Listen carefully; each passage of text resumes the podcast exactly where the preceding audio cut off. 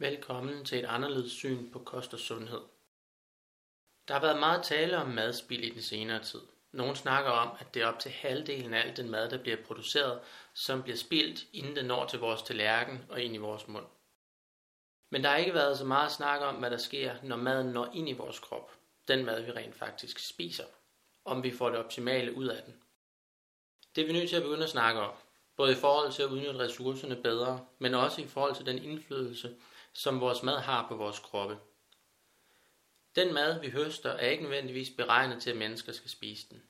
Mennesker er generalister. Det vil sige, at vi fra naturens side i princippet kan håndtere næsten alting, men ikke er rigtig gode til noget af det. En mus er for eksempel specialist i at spise korn og frø, og kan derfor få det optimale ud af lige netop disse ting. For mennesker er situationen en anden. Vi er nemlig nødt til at kombinere vores evne med at kunne håndtere det meste mad, med vores evne til også at forarbejde den, så vi ikke bare tåler maden, men også får det optimale ud af den. Det med at forarbejde fødevarer kan være ganske kompliceret, og har været det historisk set. Vi kommer et lille stykke vej ved at koge maden, men der skal mere til end det. Jeg vil prøve at snakke om, hvorfor det er vigtigt at gøre mere ud af forarbejdning, eller forædling om man vil. Planter i naturen indeholder, hvad man kan kalde naturlige konserveringsmidler. De omtales nogle gange som antinæringsstoffer, og jeg tror, det er noget, vi kommer til at høre rigtig meget til i årene fremover. Antinæringsstoffer er naturens måde at holde på alt det gode. Eksempelvis skal et frø kunne gemme sin næringsrige madpakke i årvis, indtil det skal spire. Og ved spiringen skal alt det gode frigives. Hvis det sker i utide, så rådner frøet og mister sin værdi. Alt, hvad der vokser i naturen, søger på lignende vis at beskytte sig selv. Det kan eksempelvis være bladgrønt, der laver bitterstoffer for at undgå at blive spist af sommerfuglelarver. Alle planter passer på sig selv og gør dermed næringsstofferne svært tilgængelige, hvis man ikke er specialist i at spise den type mad. For dyr, der er specialiseret i at spise en bestemt plante, har evolutionen sørget for, at de er tilpasset. At de producerer de nødvendige enzymer til at nedbryde antinæringsstofferne, og i øvrigt har et fordøjelsessystem, der egner sig til at optage den type næring, der er tale om. Sådan er det bestemt ikke med os mennesker. Vi kan til en vis grad træne vores fordøjelse til at håndtere bestemte fødeemner, men det tager tid, og det bliver aldrig det samme som hos specialisterne. Og lad mig prøve at beskrive, hvorfor det er så vigtigt. De her antinæringsstoffer, de gør selvfølgelig, at det er svært at optage hovedbestanddelene fra planten, men de har det også med at virke som en binder, en kompleks binder, på andre vigtige næringsstoffer. Det vil sige, at hvis man spiser meget korn, så skal der ikke alene ske det, at man vil have svært ved at optage fosfor fra selve kornet. Der vil også ske det, at antinæringsstofferne kan berøve den øvrige kost, som man indtager, sammen med kornet fra vigtige næringsstoffer, som jern, calcium og magnesium. Det kan lede til en absurd situation, hvor man egentlig spiser rigeligt med jern, men stadig lider af jernmangel, eller drikker rigeligt mælk, men stadig mangler kalk. Eksempelvis kan det undre, at lande, som ligger i toppen med hensyn til indtag af mælkeprodukter og dermed calciumindtag, samtidig har høje forekomster af knogleskørhed, imens lande og folk med ringe tradition for mælkeprodukter har nogle af de laveste forekomster, som det er tilfældet i Kina. Vi skal prøve at kigge på, om vi kan finde nøglen i det dilemma. Det er ikke nødvendigvis, fordi mælk i sig selv er et problem.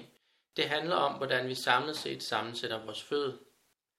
Lad mig sammenligne det med, hvis du bygger et hus, hvor hver tiende mursten mangler, og der derfor er huller i muren, der hvor hver tiende mursten skulle have været.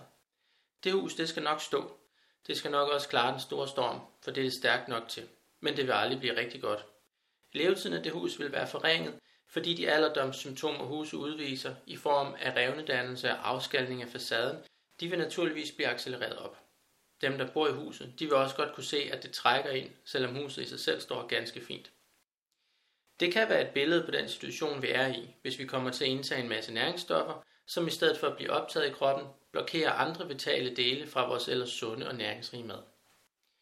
Det kan lede til et hav af problemer.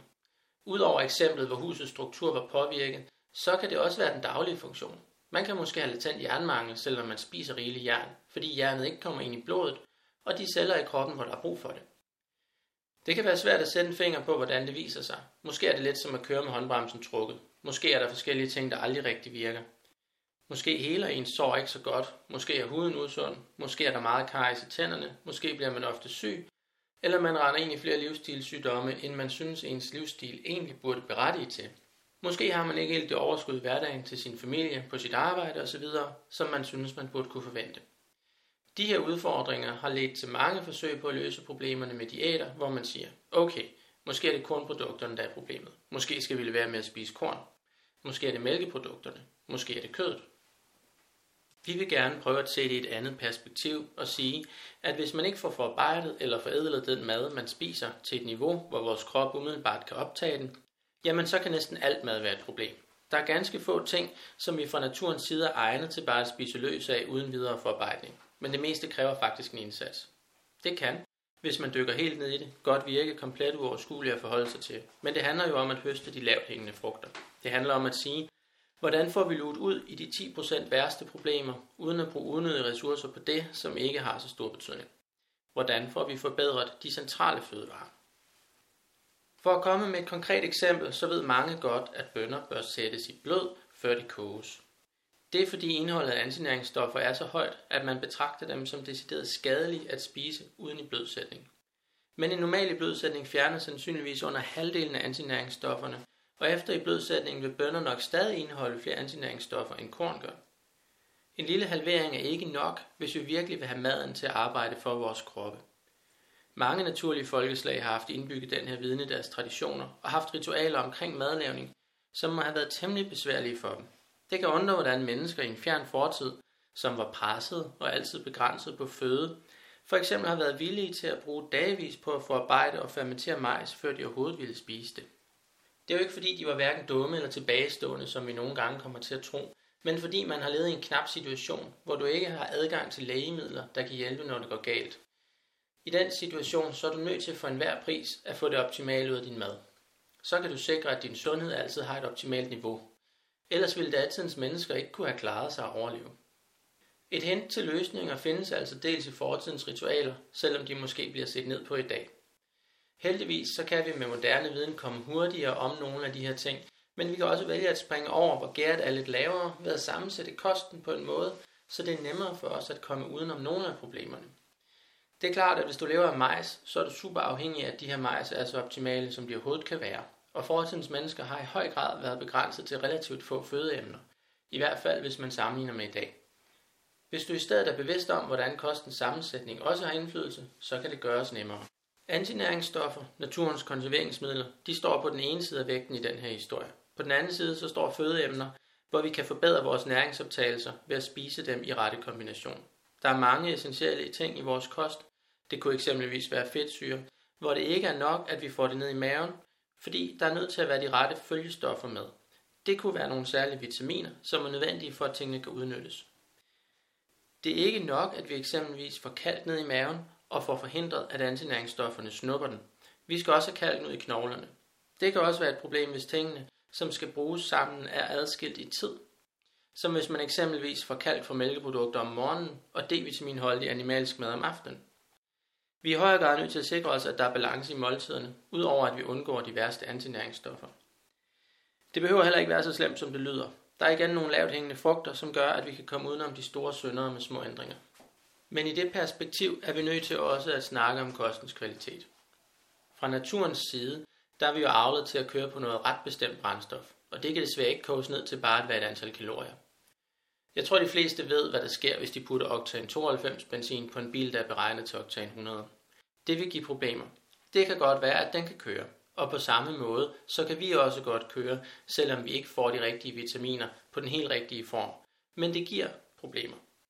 De fedtsyre, vitaminer, proteiner, sukkerstoffer osv., som kroppen skal bruge, de kan antage et hav af forskellige former. Tit så snakker vi om et vitamin, men vi glemmer, hvor mange undervariationer der er af et vitamin.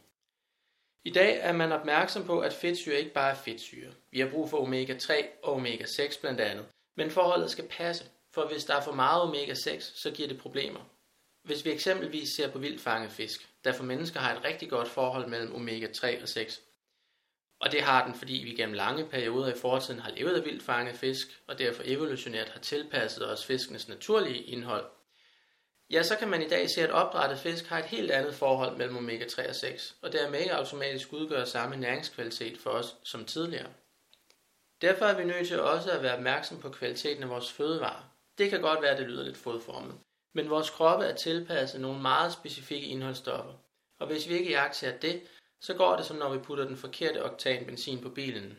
Den lyder lidt anderledes. Den kører måske okay. Topfarten er måske ikke lige så god, Den oser mere end før, motoren bliver hurtigere slidt, og bilen skal oftere til service. Vi er altså nødt til at tænke på selve fødevarens kvalitet, hvordan sammensætter vi måltidet med de optimale komponenter, og hvordan forarbejder og forædler vi råvarerne, så kroppen kan arbejde med dem. Sådan bliver vi i stand til at få det optimale ud af maden. Det kan lyde kompliceret, og derfor synes jeg heller ikke, at vi skal mere ned i det på mikroniveau, eller begynde at snakke om selve kemien i det. Det handler i stedet om at få de mest effektive løsninger ind i sin hverdag, så man nemt kommer fremad. Til sidst vil jeg lige beklage, for jeg vil virkelig gerne have, at alle kan være med. Men lige nu må vi desværre erkende, at de her principper ikke fungerer så godt med veganisme. Det kan være, der kommer en løsning på det i fremtiden, men lige nu passer det bare ikke så godt sammen. Hvorfor det er, det forklarer jeg blandt andet i andet oplæg. Veganer er naturligvis velkomne til at lytte med, og de kan tage de dele, de kan bruge. Men nogen komplet guide, det vil det altså ikke være for dem på nuværende tidspunkt. Desværre. Ellers vil jeg bare sige tak, fordi I lyttede med.